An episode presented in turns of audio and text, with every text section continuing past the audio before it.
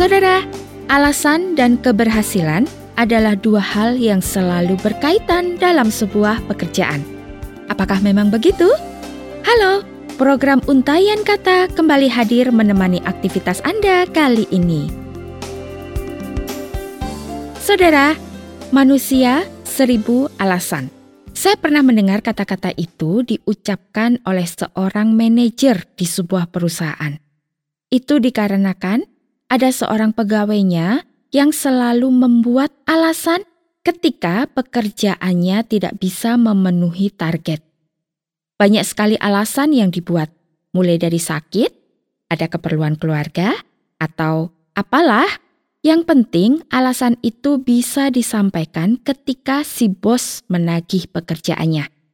Coba Anda bayangkan, orang dengan banyak alasan seperti itu, apakah bisa meraih kesuksesan? Ya, Tentu saja tidak. Mau sukses dari mana kalau pekerjaan saja tidak memenuhi target? Saudara, kegagalan datangnya dari orang-orang yang suka memberikan alasan. Kalau suka beralasan, kesuksesan akan semakin jauh dari Anda. Kerjakan setiap pekerjaan yang sudah dipercayakan. Gunakan setiap kemampuan kita untuk menghasilkan sesuatu yang luar biasa.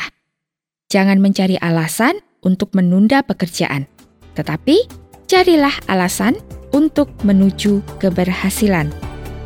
Saudara, kita bekerja bukan untuk mencari alasan, tetapi kita bekerja untuk mencari keberhasilan.